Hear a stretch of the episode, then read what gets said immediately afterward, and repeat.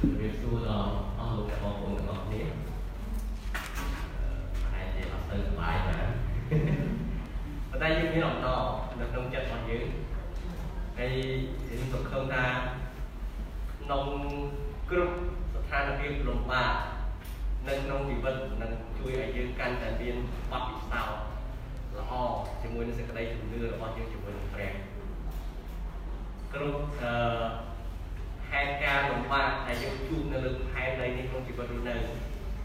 ជាឱកាសដែលយើងមានបទពិសោធន៍ក្នុងការដែលយើងទុកចិត្តហើយផ្ញើទាំងស្រុងនៅសេចក្តីសង្ឃឹមរបស់យើងទៅចំពោះព្រះគ្រប់បទពិសោធន៍ដែលកើតឡើងក្នុងជីវិតគ្រប់រឿងរ៉ាវទាំងអស់ដែលកើតឡើងនៅលើផែនដីនេះសុទ្ធតែចង្អុលប្រាប់យើងទាំងអស់គ្នាថា ក្រៅពីព្រះយើងមិនអាចនឹងទុកចិត្តលើអ្វីបានទេនៅលើផែនដីនេះយើងអរគុណព្រះអឺនៅពេលដែលយើងនៅតែជួបជុំគ្នាដើម្បីនឹងថ្វាយបង្គំព្រះអង្គយើងនឹងរៀនព្រះបន្ទូលរបស់ព្រះដែលយើងអានមុនជាមួយគ្នាក៏ប៉ុន្តែមុនពេលនេះខ្ញុំសូមអធិដ្ឋានខ្លីជាមួយនឹងអស់លោកអ្នក ដោយបទគម្ពីរទំនុកតម្កើង91យើងនឹងរៀនអត្ថបទគម្ពីរដែលយើងដាក់នៅលើ slide នេះក៏ប៉ុន្តែក្នុងសក្តានុពលរបស់ខ្ញុំមុនរៀនព្រះបន្ទូលនេះខ្ញុំចង់លើកទឹកចិត្តដល់អស់លោកអ្នកបែបកំសាន្តចិត្តជាមួយនឹងព្រះបន្ទូលនៅគម្ពីរទំនុកតម្កើង91សូមសម្រួលចិត្តអធិដ្ឋានជាមួយនឹងខ្ញុំទំនុកតម្កើង91បានចែកថា អ្នកណាដែលនៅជាប់ក្នុងទីកំបាំងនៃព្រះដ៏គួរបំផុតនោះនឹងបានជ្រកនៅក្រោមមនុษย์នៃព្រះដ៏មានគ្រប់ប្រជាស្ដាឯទីបង្គំនឹងពោលពីព្រះយេហូវ៉ាថាទ្រង់ជាទីពឹងពំនាក់ជាបន្ទាយនៃទីបង្គំគឺជាព្រះនៃទីបង្គំហើយទីបង្គំទុកចិត្តនឹងទ្រង់ពិតប្រកបជាទ្រង់នឹងជួយឲ្យឯងរួចពីលុបរបស់នាយព្រានហើយពីសេចក្តីវេទនាដែលនាំឲ្យអន្តរាយទ្រង់នឹងក្រងឯងឲ្យស្លាប់ទ្រង់ហើយឯងនឹងជ្រក នៅក្រោមចំអេងស្លាបរបស់ទ្រង់សេចក្តីពិតរបស់ទ្រង់ជាខែហើយជាអាវក្រក់ឯងនឹងមិនភ័យខ្លាចអ្វីឡើយទោះទាំងសេចក្តីស្ញែងខ្លាចនៅពេលយប់ឬព្រួយតែខើនៅពេលថ្ងៃឬសេចក្តីវេទនាដែលតែមាននៅក្នុងទីងងឹតឬសេចក្តីហិនវិនិច្ឆ័យតែបំផ្លាញនៅពេលថ្ងៃត្រង់តនឹងមានមនុស្ស1000នាក់ដួលស្លាប់នៅក្បែរឯងហើយ10000នាក់ នៅខាងស្ដាំឯងដែរតែសេចក្តីនោះនឹងមិនមកចិត្តឯងឡើយឯងនឹងបានប្រឡេកឃើញការតបស្នងដល់ពួកមនុស្សអាក្រក់ដោយភ្នែកតែប៉ុណ្ណោះទេពីព្រោះឯងបានថាព្រះយេហូវ៉ាជាទីពឹងជ្រកនៃឯងគឺបានយកព្រះដ៏គួរបំផុតជាទីលំនៅរបស់ឯងយ៉ាងនោះនឹងគ្មានសេចក្តីអាក្រក់ណាកើតឡើងដល់ឯងឡើយក៏គ្មានសេចក្តីវេទនាណាមកចិត្តទីលំនៅរបស់ឯងដែរ បិទទ្រង់និងបង្គាប់ដល់ពួកទេវតារបស់ទ្រង់ពីដំណើរឯងឲ្យបានថែរក្សាឯងក្នុងគ្រប់ទាំងផ្លូវរបស់ឯងទេវតាទាំងនោះនឹងទ្រឯងដោយដៃក្រែងជើងឯងទៅពេញនឹងថ្មឯងនឹងជន់លើទាំងស័ក្តិសិទ្ធិនិងពោះហនុមានផងតែសិទ្ធស្ទៀងនិងនេះនោះឯងនឹងអាចជន់ឈ្លីដល់ជើងបានតែព្រោះឯងបានយកអញជាទីស្រឡាញ់នោះឯងនឹងជួយឲ្យរួច អញនឹងតាំងឡើងយ៉ាងខ្ពស់ពីព្រោះវាបានស្គាល់ឈ្មោះអញវានឹងអំពាវនាវដល់អញហើយអញនឹងឆ្លើយតបអញនឹងនៅជាមួយនឹងវាក្នុងគ្រាលំបាកក៏នឹងដោះឲ្យរួចចេញហើយនឹងលើកមុខឲ្យអញនឹងឲ្យវាស្កប់ចិត្តដោយអាយុយឺនវែងហើយនឹងបង្ហាញឲ្យឃើញសេចក្តីសង្គ្រោះរបស់អញបិតាអរគុណទ្រង់ចំពោះសេចក្តីកំសាន្តចិត្តតាមរយៈព្រះបន្ទូល នៅក្នុងទំនុកដំកើង91ដែលព្រះអង្គទ្រង់ជាទីពឹងជ្រករបស់យើងខ្ញុំហើយទ្រង់គឺជាព្រះអង្គម្ចាស់ជីវិតរបស់យើងខ្ញុំហើយយើងខ្ញុំដឹងថាព្រះអង្គការពារយើងខ្ញុំគ្រប់ទាំងផ្លូវច្រកដែលយើងខ្ញុំទៅបងចាស់សូមចម្រើនយើងខ្ញុំដែលព្រះបន្ទូលនៅថ្ងៃនេះសូមប្រទានឲ្យយើងខ្ញុំមានជំនឿដែលកាន់តែរឹងមាំឡើងដើម្បីដើរជាមួយនឹងព្រះអង្គបិទមុខអរគុណទ្រង់គុណទុកស្វាយជាខាងនេះស្វាយដៃក្នុងព្រះនាមព្រះយេស៊ូវអាមែន សម្បត្តិអឺទៅកាន់លោកធីម៉ូថេធីម៉ូថេគឺជាអ្នកដឹកនាំវ័យក្មេងមួយរូបដែលលោកប៉ុលគាត់ជាអ្នកដែលមើលថែរក្សាលោកទីមថេហើយលោកប៉ុលគាត់ស្គាល់ថាទីមថេយ៉ាងម៉េចគាត់មើលឃើញអំពីសេចក្តីជំនឿរបស់លោកទីមថេព្រោះលោកប៉ុល គាត់មិនស្គាល់ត្រឹមតែលោកទីមថេខ្លួនឯងទេគាត់ស្គាល់ដល់ម្ដាយដល់យាយរបស់លោកទីមថេផងដែរហើយក្នុងនាមជាអ្នកដឹកនាំដែលមានយុវវ័យក្មេងវាមិនមែនជារឿងដែលងាយស្រួលទេហើយជាមួយគ្នានៅពេលដែលយើងនិយាយអំពីពាក្យថាអ្នកដឹកនាំអ្នកដឹកនាំ នឹងត្រូវមានការរំពឹងទុកជាច្រើនពីមនុស្សដែលនៅក្បែរខាងគាត់ពីមនុស្សដែលនៅជុំវិញគាត់នេះគឺជាអ្វីដែលនៅពេលដែលប្រពន្ធម្នាក់មានបំណងត្រូវធ្វើជាអ្នកដឹកនាំគឺគាត់ត្រូវដឹងច្បាស់ថានឹងមានការរំពឹងចង់បានយ៉ាងច្រើនដែលកើតមានឡើងនៅជុំវិញជីវិតរបស់គាត់គ្រួសាររបស់គាត់អឺ ក្រុមមនុស្សដែលគាត់ធ្វើការជាមួយឬក៏អឺក្រុមមនុស្សនៅជុំវិញគាត់ទាំងអស់ព្រះបន្ទូលនៅទីនេះអឺជាអ្វីដែលលោកប៉ុលគាត់ចង់លើកទឹកចិត្តដល់លោកធីម៉ូថេនៅពេលដែលលោកធីម៉ូថេធ្វើជាអ្នកដឹកនាំគាត់ជួបនឹងអបសគ្គច្រើនទីមួយដែលសារវ័យក្មេងរបស់គាត់ដោយសារបទពិសោធន៍ខ្ចីរបស់គាត់ អញ្ចឹងគាត់មានការលំបាកច្រើនហើយយើងឃើញថាតាមរយៈរចនាសម្ព័ន្ធដែលព្រះគម្ពីរបានបង្ហាញបុគ្គលម្នាក់มันអាចមានភាពជោគជ័យក្នុងជីវិតជាអ្នកដឹកនាំរបស់គាត់ទៅកើតទេប្រសិនបើគាត់ធ្វើជាអ្នកដឹកនាំតែម្នាក់ឯងពីព្រោះនៅថ្ងៃមួយគាត់នឹងអស់កម្លាំងហើយនៅថ្ងៃមួយគាត់នឹងតច្រកនៅថ្ងៃមួយគាត់នឹងអស់អ្វីដែលជាអឺ ការតាំងចិត្តរបស់គាត់ដោយសារតែសម្ពាធការងារដោយសារតែសម្ពាធអឺមជ្ឈដ្ឋានជុំវិញគាត់ចឹងហើយបុគ្គលក៏បានផ្ដល់នៅអឺការលើកទឹកចិត្តដល់លោកធីម៉ូថេថាក្នុងនាមជាអ្នកដឹកនាំគឺត្រូវតែមានអឺអ្នកដែលក្រុមការងារដើម្បីនឹងជួយគាត់យើងឃើញថាការងារជាក្រុម បកធរឬក៏រចនាសម្ព័ន្ធការងារបែបនេះមិនមែនទៅតែកើតឡើងនៅក្នុងសម័យបច្ចេកវិទ្យាទំនើបចុងក្រោយប្រហែលឆ្នាំនេះទេរៀងរាល់ពេលដែលយើងបំពេញអឺទម្រង់បែបបោះស្នើសុំធ្វើការងារនៅកន្លែងណាមួយនឹងមានចំណុចមួយដែលគេសួរយើងថាតើអ្នកឯងចូលចិត្តធ្វើការងារជាក្រុមឬក៏អត់ចឹងយើងឃើញថារចនាសម្ព័ន្ធដែលអឺ ការងារជាក្រុមការបម្រើជាក្រុមនេះមិនមែនទៅតែមានប្រហែលឆ្នាំទេគឺមានរាប់ពាន់ឆ្នាំមកហើយតាំងពីកំណើតផែនដីមកនៅពេលដែលព្រះបង្កើតអឺផែនដីព្រះបង្កើតមនុស្សដើមដំបូងមកមានអាដាមជាទី1ជាមនុស្សទី1ដែលព្រះបានបង្កើតយើងឃើញថាព្រះបានដាក់នៅអឺរចនាសម្ព័ន្ធការងារបែបជាក្រុមរួចទៅហើយគឺព្រះ បានប្រទានអេវ៉ាជាជំនួយរបស់អាដាមដើម្បីនឹងធ្វើកិច្ចការងារជាក្រុមហេតុអីបាននៅទីនេះរហូតក្រោយទៀតយើងឃើញអំពីដំបូលមានរបស់អឺលោកយេត្រូខ្ញុំអត់ដឹងថាអស់លោកអ្នកប្រមាណអ្នកស្គាល់លោកយេត្រូជាឪពុកក្មេងរបស់លោកម៉ូសេយេត្រូក៏បានលើកទឹកចិត្តឲ្យម៉ូសេ ចាប់តាមបង្កើតឲ្យមានរចនាសម្ព័ន្ធការងារជាក្រុមនៅពេលដែលគាត់ឃើញម៉ូសេហាក់ដូចជាហត់អស់កម្លាំងខ្លាំងនៅពេលដែលគាត់ដឹកនាំសាសអ៊ីស្រាអែលតែម្នាក់ឯងហើយដូចគ្នាដែរអរលោកអ្នកបងប្អូនឯងវប្បធម៌ឬក៏រចនាសម្ព័ន្ធដែលធ្វើការងារជាក្រុមនេះត្រូវបានអនុវត្តជាបន្តបន្តមកទៀតហើយ នឹងរហូតដល់ឥឡូវនេះមានក្រុមហ៊ុនមួយចំនួនដែលនៅប្រកាន់ចំពោះថាការងារជាក្រុមមិនល្អក៏ក្រុមហ៊ុនទាំងអស់នោះចាប់ដើមជាយាមផ្លាស់ប្ដូរទម្លាប់ផ្លាស់ប្ដូរការគិតរបស់ខ្លួនដែរ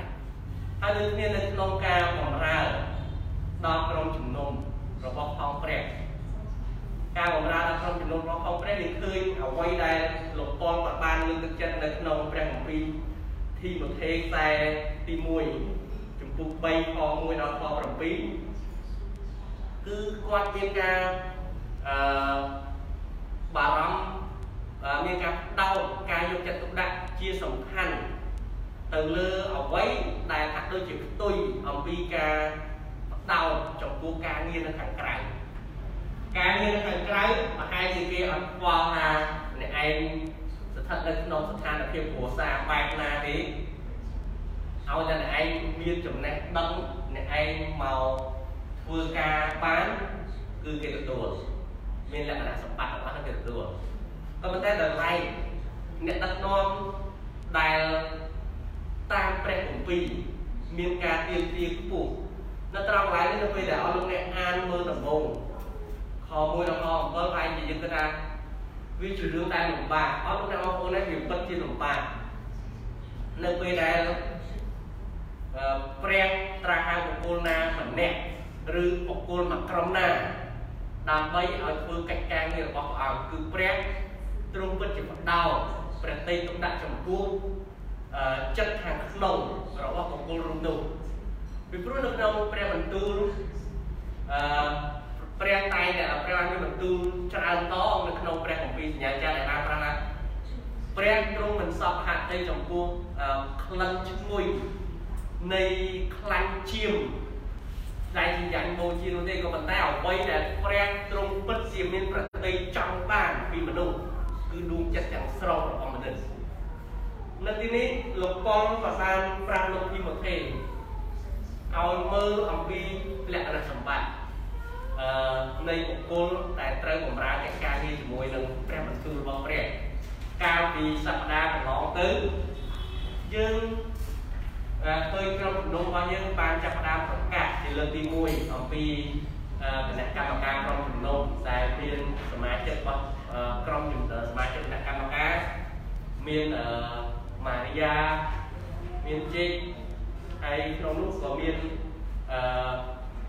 អ្នកផ្សេងទៀតដែលនៅក្នុងក្រុមសួរថានៅពេលដែលអ្វីដែលយើងសួរថាតើ សមាជិកគណៈកម្មការក្រុមជំនុំទាំងអស់គាត់ពិតជាមនុស្សដែលឥតខ្ចោះខ្ញុំទទួលស្គាល់ថាមិនឥតខ្ចោះទេអស់លោកអ្នកបងប្អូនទេក៏ប៉ុន្តែគឺជាមនុស្សដែលកំពុងតែរៀនដើម្បីស្ទានទៅរកភាពឥតខ្ចោះនោះហើយនៅត្រង់កន្លែងនេះលោកប៉ុលក៏បានលើកបដោតជាសំខាន់លើ3យ៉ាងនៃបុគ្គលិកលក្ខណៈសម្បត្តិរបស់បុគ្គល ដែលធ្វើជានៅទីនេះបានប្រាប់ថាអ្នកអ្នកចាក់ទុំបានប្រាប់ថាអ្នកចាក់ទុំអ្នកត្រួតត្រាហើយទៅត្រង់ហើយគឺលោកប៉ុលក៏ផ្ដោតទី1គឺលើសេចក្តីជំនឿរបស់បុគ្គលរូបនេះហើយនឹងទី2លោកប៉ុលក៏ផ្ដោតអំពីគេអំពីសិលធម៌រួមនៅរបស់បុគ្គលនេះទាំងនៅក្នុងផ្ទះ ហើយនឹងនៅក្នុងសង្គមដែលគាត់ធ្វើការតាក់ទងជាមួយហើយនៅទីនេះយើងឃើញមើលយើងឃើញមើលទៅយើងហាក់ដូចជាអឺលំបាកសម្រាប់ឲ្យបុគ្គលម្នាក់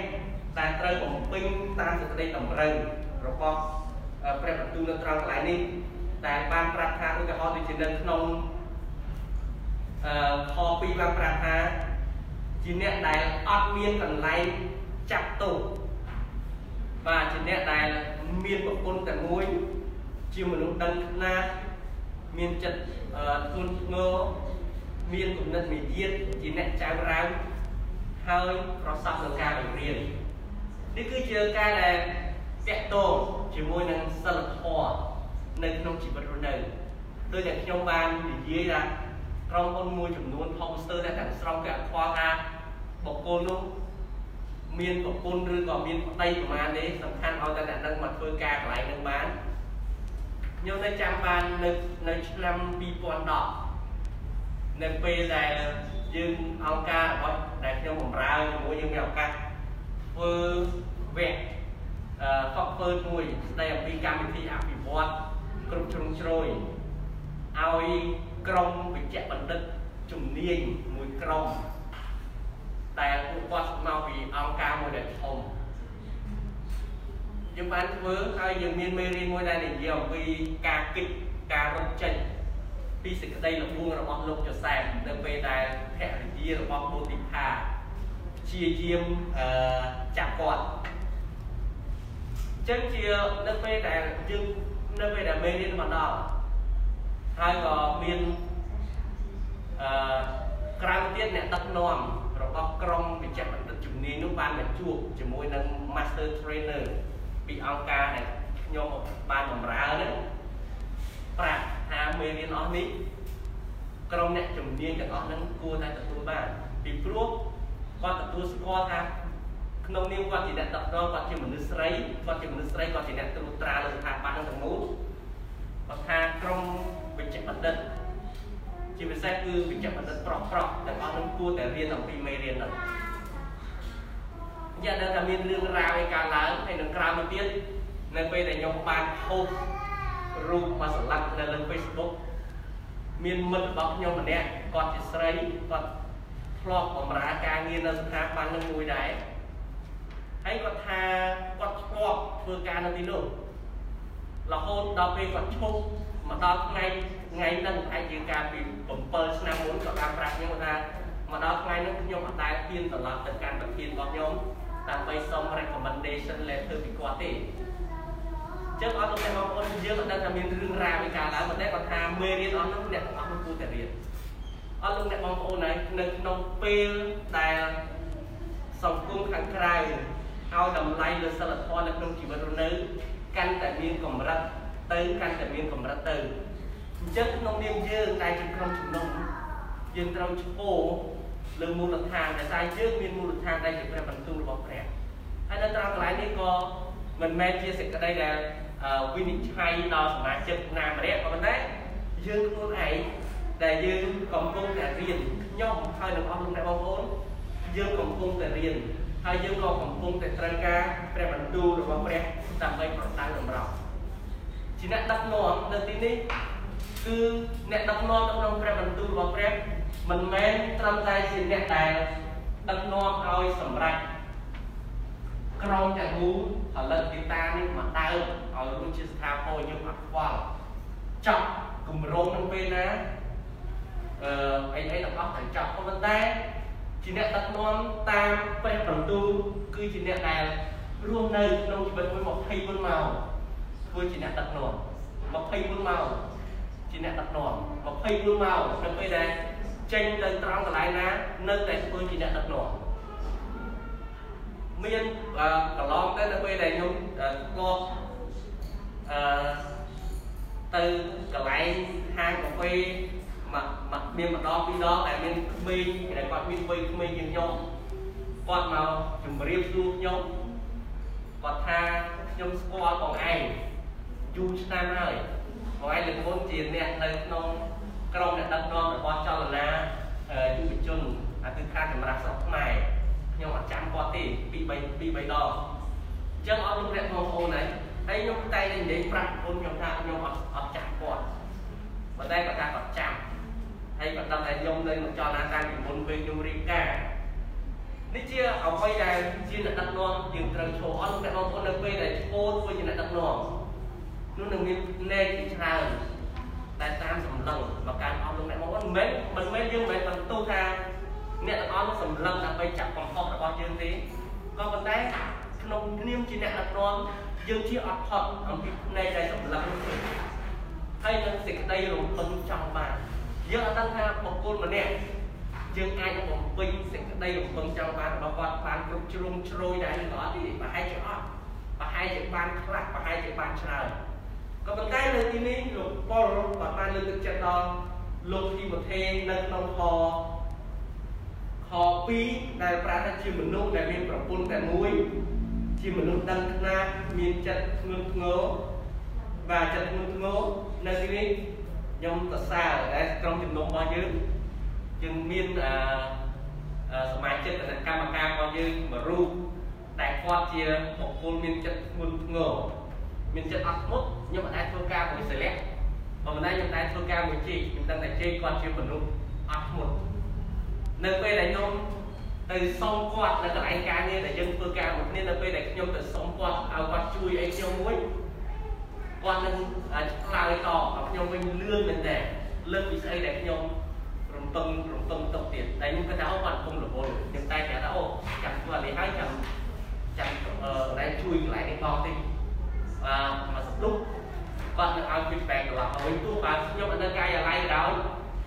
នៅយើងប្រើការតាក់ទងគ្នាតាម WhatsApp ចឹងគឺគាត់លឿនមែនទែនហើយគាត់ជាបុគ្គលម្នាក់ដែលមានការអត់ធ្មត់ហើយខ្ញុំអរគុណព្រះចំពោះខ្ញុំខ្លួនឯងខ្ញុំអរគុណព្រះដែលអឺមានធនធានមនុស្សដែលនៅទីនេះយើងគាត់មានបំណងដែលបំរើជាមួយនឹង គ្រូពង្រៀលជាមួយនឹងបេសកជនជាមួយនឹងគណៈកម្មការផ្សេងទៀតសិលៈអឺហើយនេះសូមសរសើរថាគណៈកម្មការបាទគណៈកម្មការទៅបង្កើតថ្មីតែបែបនេះខ្ញុំមានបទពិសោធន៍ធ្វើការមួយសិលៈនៅក្រុមជំនុំមិនជាច្រើនក៏ប៉ុន្តែខ្ញុំមើលឃើញអំពីអំណោយទានអំពីទឹកចិត្តហើយនឹងអស់លោកអ្នកបងប្អូនផ្សេងទៀតអស់លោកអ្នកបងប្អូនអី មិនមែនត្រឹមតែចេញហើយនឹងស្រីលក្ខដែលត្រូវការមានលក្ខណៈទាំងអស់នេះទេពីព្រោះព្រះទ្រង់បានត្រាស់ហៅខ្ញុំហើយនឹងអស់លោកអ្នកបងប្អូនគ្រប់គ្នាតាំងពីកូនងែកមកគឺយើងចូលធ្វើជាអ្នកដឹកនាំយើងចូលធ្វើជាអ្នកដឹកនាំយើងត្រូវធ្វើជាអ្នកដឹកនាំប្រហែលជាយើងមានតួនាទីនៅក្នុងក្រុមកុមារយើងមានតួនាទី នៅក្នុងក្រុមយុវជនឬក៏យើងមានតួនាទីនៅក្នុងចក្រានបានក៏ប៉ុន្តែសូមឲ្យយើងឈ្មោះធ្វើជាអ្នកដែលមានតួនាទីនោះដោយដោយស្របតាមព្រះបន្ទូលរបស់ព្រះសំណួរនៅតែសួរថាបើខ្ញុំមិនមែនជាសមាជិកអឺគណៈកម្មការក្រុមជំនុំតើខ្ញុំធ្វើអីបានស្រេចតាមចិត្តដែរអត់លោកអ្នកបងប្អូននេះសូម្បីតែគណៈកម្មការក្រុមជំនុំក៏គាត់អាចធ្វើអីបានតាមចិត្តដែរក៏ប៉ុន្តែមនុស្ស ត្រូវមានការបដិញ្ញាចិត្តឧទាហរណ៍នៅពេលដែលបង្រៀននៅពេលដែលបង្រៀនកូនតូចមានកន្លែងខ្លះដែលខ្ញុំហាមមិនឲ្យកូនរបស់ខ្ញុំមិនត្រឹមទៅសោះ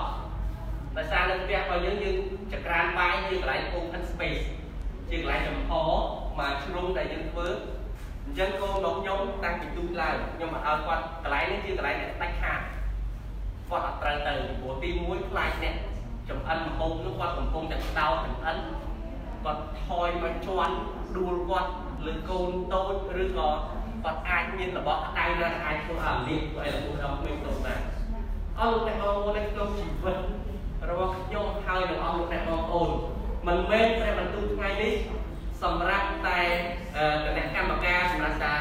អ្នកដែលមានចំណែកក្នុងការដឹកនាំក្រុមជំនុំទេក៏ប៉ុន្តែគឺសម្រាប់ អស់លោកអ្នកបងប្អូនម្នាក់ម្នាក់ដែលព្រះទ្រង់បានត្រាស់ហៅអស់លោកអ្នកបងប្អូនឲ្យចេញ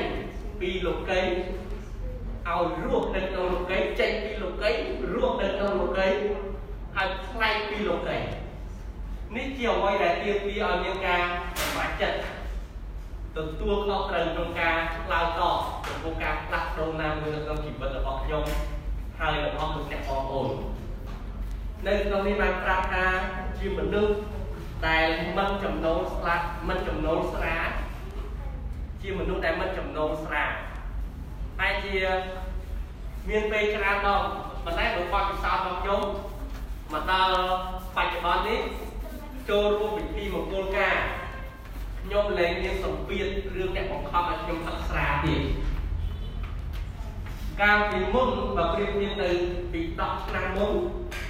ទៅចូលរួមមង្គលការគឺគេបង្ខំយើងគេបង្ខំយើងឲ្យយើងផឹកស្រាឬក៏ពិធីជប់លៀងជួបជុំបងប្អូនត្រូវតែបង្ខំឲ្យផឹកប៉ុន្តែនៅពេលដែលយើងឈរនៅកោចំហអត់ផឹកគឺមានពេលខ្លះគេខឹងយើងដែរក៏ប៉ុន្តែអត់តែបងប្អូនយើងនៅពេលដែលមនុស្សយើងបើយើងពេលខ្លះយើងត្រូវឈរលើគោចំហដាច់ខាតដែរមិនស្រានាំឲ្យ មិនមែនស្រាគឺជាអំពើបាបទេក៏ប៉ុន្តែយើងក្នុងនាមយើងដែលព្រះទ្រង់ត្រាស់ឲ្យយើងឲ្យជាអ្នកដែលខុសពីគេតើយើងឆ្លើយតបយ៉ាងដូចម្ដេចចំពោះរបស់ទាំងអស់ហ្នឹងខ្ញុំចូលចិត្ត post post រូបដាក់នៅលើ Facebook ជាពិសេសពេលមង្គលការខ្ញុំមានការប្រយ័ត្នប្រយែងមែនទេលើរូបភាពដែលខ្ញុំ post ទៅខ្ញុំខ្ញុំមិនខ្ញុំអត់ផាត់ទេ ហើយរូបខ្ញុំត្រូវច្បាស់លាស់ថារូបថតដែលខ្ញុំ post លើ Facebook ខ្ញុំត្រូវមានស្អីបាំងដបស្រាកំប៉ុងស្រាដែលខ្ញុំថតជាប់ខ្ញុំព្យាយាមក្រាប់វាអត់អស់ចឹងនេះគឺជាការឈោលើការសម្រេចចិត្តរបស់ខ្ញុំមួយហើយនៅលើ Facebook មានអ្នកខ្លះគាត់ share អូអឺសូមគ្រប់គ្រងចំពោះការបិទការផ្សព្វផ្សាយពាណិជ្ជកម្មគ្រឿងសង្វឹងប៉ុន្តែនៅក្នុងអត្ថបទដែលគាត់ share នេះគេដាក់គ្រឿងសង្វឹងមួយដែរ នេះក្នុងនាមខ្ញុំហើយទាំងអស់លោកអ្នកបងប្អូនតើយើងត្រូវឈោយ៉ាងដូចម្ដេចប៉ុន្តែមានអស់លោកអ្នកបងប្អូននៅពេលដែលយើងប្រើប្រាស់នៅវប្បធម៌សម្រាប់សម្រួលអូខេតែម្ដងទេខ្ញុំនឹងផាត់តែម្ដងហ្នឹងទេតែម្ដងហ្នឹងទេព្រោះមិត្តភក្តិរបស់ខ្ញុំប្រាប់ថាផាត់តែម្ដងហ្នឹងទេអស់លោកអ្នកបងប្អូនឯងនៅពេលម្ដងយើងព្រមជួបលើកទី2ហើយម្ដងទៀតយើងបដិសេធចុះអាមួយថ្ងៃមុនមិនខប់ លើកទី1ហេតុអីខប់អរលោកបងប្អូននៅពេលដែលឈ្មោះលើគោលចំពោះនៅត្រង់កន្លែងនេះជាមេរៀនដែលមិនមែនត្រឹមតែអឺអ្នកដឹកនាំក៏ប៉ុន្តែជាមេរៀនក្នុងជីវិតរស់នៅរបស់ខ្ញុំហើយទាំងអស់លោកបងប្អូន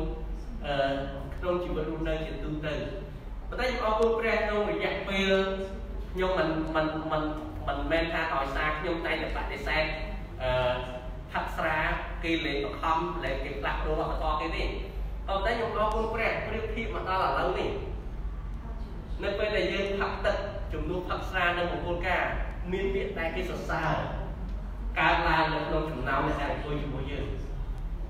ឥឡូវពីពុទ្ធសាសនាឥឡូវនេះនៅពេលដែលមនុស្សចាប់ផ្ដើមជ្រុលជ្រាបអំពីផលវិបាកនៃគ្រឿងសង្វឹងមនុស្សចាប់ផ្ដើមកាត់បន្ថយតាមទៅតែអរលោកអ្នកបងប្អូននៅពេលដែលយើងនិយាយអំពី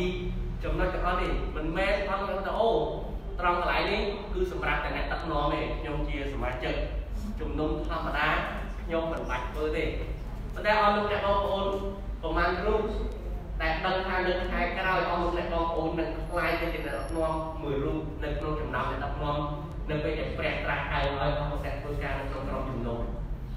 នេះគឺជាជីវិតដែលយើងត្រូវការរៀនដើររាល់ថ្ងៃហើយនៅត្រង់កន្លែងនេះ បានប្រាប់ថាស៊ីសំណោកមានចិត្តស្លូតម៉ូតមិនស៊ីសំណោកអត់មានរករឿងហេតុអត់លោកចង់បានប្រាក់ត្រូវត្រួតត្រាផ្ទះរបស់ខ្លួនឲ្យស្រួលបួល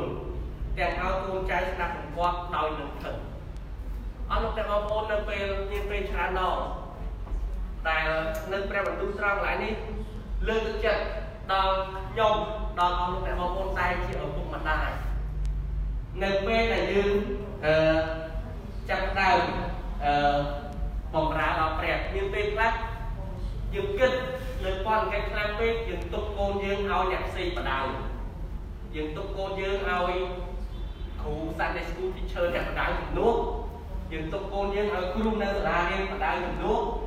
ដោយយើងយកមូលហេតុថាខ្ញុំរវល់បំរើការងារនៅក្នុងក្រុមជំនុំ ព្រះបន្ទូលរបស់ព្រះព្រះយេស៊ូវព្រះអង្គមានបន្ទូលថាត្រូវឲ្យយើងរៀបចំចិត្តមនុស្សនៅក្នុងទីក្រុងយេរូសាឡិមមនុស្សនៅជុំវិញនិងមនុស្សទៅដល់ចុងផែនដីបំផុតមនុស្សនៅក្នុងទីក្រុងយេរូសាឡិមរបស់ខ្ញុំហើយនឹងអស់លោកអ្នកបងប្អូនគឺជាសមាជិកនៅក្នុងក្រុមគ្រួសារហើយក៏យើងឃើញមានបទពិសោធន៍ដែលឪពុកម្ដាយជាអ្នកដឹកនាំជាអ្នកដែលបម្រើកិច្ចការងារព្រះ ប៉ុន្តែគាត់មានកូនដែលអត់ស្ដាប់បង្គាប់ដល់ព្រះបន្ទូលរបស់ព្រះគាត់មានកូនដែលបោះបង់សេចក្តីជំនឿកាលពីប្រហែលជា14 13 14ឆ្នាំមុនខ្ញុំបានជួបជាមួយនឹងអតីតសាស្ត្រាចារ្យដែលបង្រៀនខ្ញុំនៅសាលាគម្ពីរបរូគាត់មកជួបខ្ញុំគាត់ថាគាត់សម្រេចចិត្ត បញ្ចប់ជីវិតបេសកកម្មរបស់គាត់នៅស្រុកខ្មែរក៏មកត្រឡប់ទៅអាមេរិកវិញពីព្រោះរយៈពេល2ឆ្នាំដែលកូនគាត់ទៅធ្វើទៅហ៊ាននៅអាមេរិកកូនគាត់លែងទៅវិធីកូនគាត់លែងជឿព្រះដោយសារកូនគាត់គិតថាឪពុកម្ដាយគិតតែពីរឿងបេសកកម្មអរលោកព្រះបងប្អូននៅទីនេះព្រះបន្ទូលរបស់ព្រះបានប្រាប់ថាយើងមិនអាចបំរើព្រះបានទេបើសិនណាជា គ្រួសាររបស់យើងនៅពីក្រោយខ្នងគាត់មិនទាំងស្គាល់ពីការងាររបស់យើងគាត់មិនទាំងគ្រប់គ្រងការងាររបស់យើងផងតែយើងអាចបំរើព្រះម្នាក់ឯងយ៉ាងម៉េចខ្ញុំទទួលស្គាល់ជីវិតរបស់ខ្ញុំនៅពេលដែលខ្ញុំបំរើពេលច្រើនដងតែខ្ញុំដួលពេលច្រើនដងដែលខ្ញុំអស់កម្លាំងពេលច្រើនដងដែលខ្ញុំស្ថិតនៅក្រោមសម្ពាធផ្លូវអារម្មណ៍ផ្នែកការងារក៏ប៉ុន្តែខ្ញុំមាន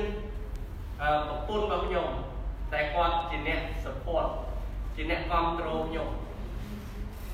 ហើយដូចគ្នានៅពេលរៀងរាល់ពេលខ្ញុំសម្រេចចិត្តឈានមួយជំហានណាមួយខ្ញុំតែងតែផ្ដល់តម្លៃឲ្យប្រពន្ធរបស់ខ្ញុំដែលខ្ញុំសុំត្រឡប់មកជួបប្រពន្ធខ្ញុំសិនដើម្បីខ្ញុំពិភាក្សាមួយគាត់នៅពេលដែលខ្ញុំមុនខ្ញុំធ្វើការសម្រេចចិត្ត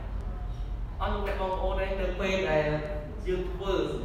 ជាអ្នកដឹកនាំនៅត្រង់នេះមិនមែនសម្រាប់តែអ្នកដឹកនាំ ក៏ប៉ុន្តែអស់លោកអ្នកបងប្អូននឹងខ្លាយទៅជាបុគ្គលអ្នកដឹកនាំប្រហែលជាអស់លោកអ្នកបងប្អូននឹងមិនធ្វើជាអ្នកដឹកនាំនៅក្នុងក្រុមជំនុំក៏ប៉ុន្តែអស់លោកអ្នកបងប្អូននឹងខ្លាយទៅជាអ្នកដឹកនាំនៅសាលារៀននៅទីកន្លែងការងារហើយយ៉ាងហោចណាស់ក៏នៅថ្ងៃអនាគតអស់លោកអ្នកបងប្អូននឹងមានគ្រួសារមួយហើយអស់លោកអ្នកបងប្អូននឹងមានការទទួលខុសត្រូវចំពោះគ្រួសារហើយអស់លោកអ្នកបងប្អូនមានការទទួលខុសត្រូវដឹកនាំ ហើយនៅទីនេះបានប្រាប់ថាព្រះបន្ទូលបានប្រាប់នៅក្នុងខ6បានប្រាប់ថាអ្នកដែលទើបនឹងជឿថ្មីអ្នកដែលទើបនឹងជឿថ្មីធ្វើប្រមាណទេក្រែងកើតមានចិត្តធំនៅទីនេះព្រះបន្ទូលបានផ្ដោតទៅលើសេចក្តីជំនឿប្រហែលជានៅត្រង់កន្លែងនេះគឺផ្ដោតទៅលើភាពចាស់ទុំខាងឯជំនឿដោតទៅលើភាពចាស់ទុំខាងឯជំនឿដែលបុគ្គលរូបនោះនឹងឈរធ្វើជាអ្នកដឹកនាំ ពីព្រោះដូចតែដូចតែខ្ញុំបានជម្រាបកាលណាមិនមែនត្រឹមតែដឹកនាំនៅលើអឺឆាកនេះនៅលើអាសនៈនេះតែពេលនាំការផ្សាយបង្គំពេលលេងភ្លេងពេលបញ្ចាំងពេលកាន់ស្លាយពេលឈោអធិប្បាយនៅទីនេះទេក៏ប៉ុន្តែជីវិតដែលបំរើដល់កិច្ចការងាររបស់ព្រះគឺ24ម៉ោងមួយសប្តាហ៍7ថ្ងៃគ្រប់ទីកន្លែងដែលយើងទៅគ្រប់ទីកន្លែងដែលយើងទៅ គឺយើងនៅតែទៅក្នុងនាមជាបុគ្គលម្នាក់ដែលយើងបំរើដល់អំណឹងល្អរបស់ព្រះនៅពេលដែលជីវិតរបស់ខ្ញុំហើយនឹងអស់លោកអ្នកបងប្អូនឈោនៅលើគោលការណ៍ព្រះបន្ទូលដូចតែលោកប៉ុលលើកទឹកចិត្តដល់លោកធីម៉ូថេនៅទីនេះអំពីលក្ខណៈសម្បត្តិរបស់អ្នកដឹកនាំតែគួរតែទទួលទូនាទីនេះនោះដំណឹងល្អពីព្រះយេស៊ូវនឹងលេចឡើងនឹងខុសឡើងនៅក្នុងជីវិតរបស់ខ្ញុំហើយនឹងអស់លោកអ្នកបងប្អូនហើយមនុស្ស ដែលនៅជុំវិញគេនឹងស្គាល់ពីព្រះយេស៊ូវតាមរយៈទីបន្តជីវិតរបស់ខ្ញុំហើយនឹងអស់លោកអ្នកបងប្អូនសរុបមកព្រះបន្ទូលនៅថ្ងៃនេះ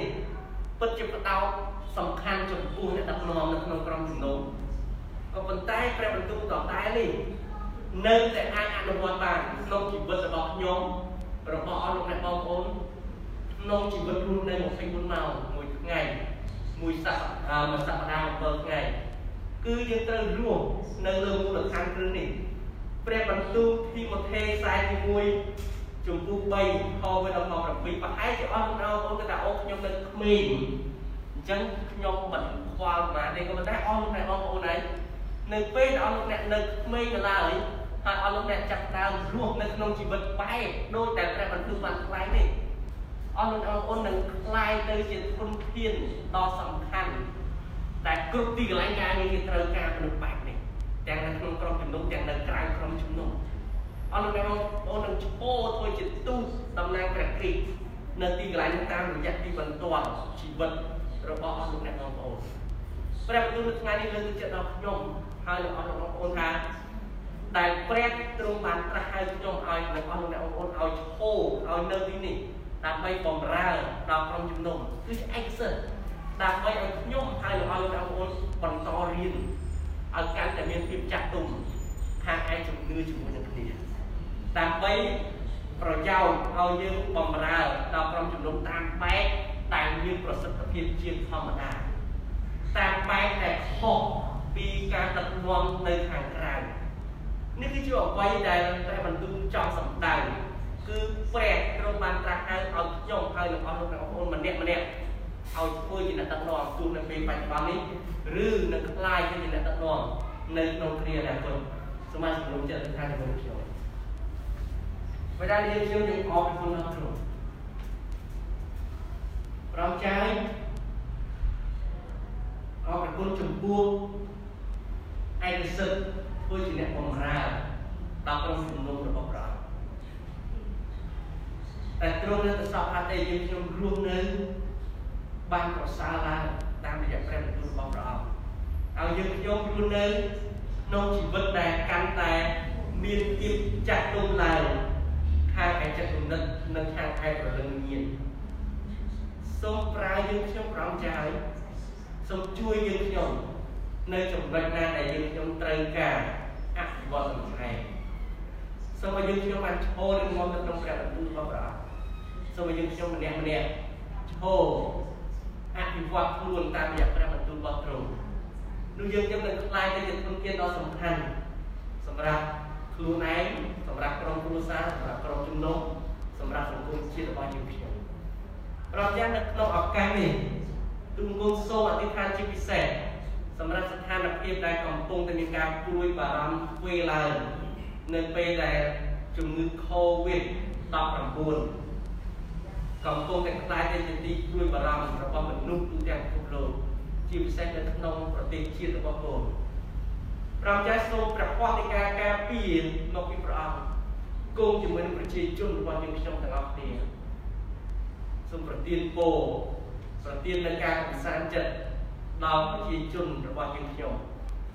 ហើយសូមទ្រង់បានការពារសូមទ្រង់បានដឹកនាំយើងខ្ញុំហើយសូមទ្រង់បានកំសាន្តចិត្តយើងខ្ញុំ ហើយសូមទ្រង់បានជួយឲ្យយើងខ្ញុំនៅតែពឹងអានហើយជួយយើងខ្ញុំនៅតែដឹងថាសង្ឃឹមទៅមួយគុណដែលយើងខ្ញុំមាននៅក្នុងអង្គព្រះគ្រីស្ទគឺជាសេចក្តីសង្ឃឹមដ៏រស់គុណអរគុណទ្រង់គុណសូមថ្វាយជាអធិដ្ឋាននេះតែក្នុងព្រះនាមព្រះយេស៊ូវ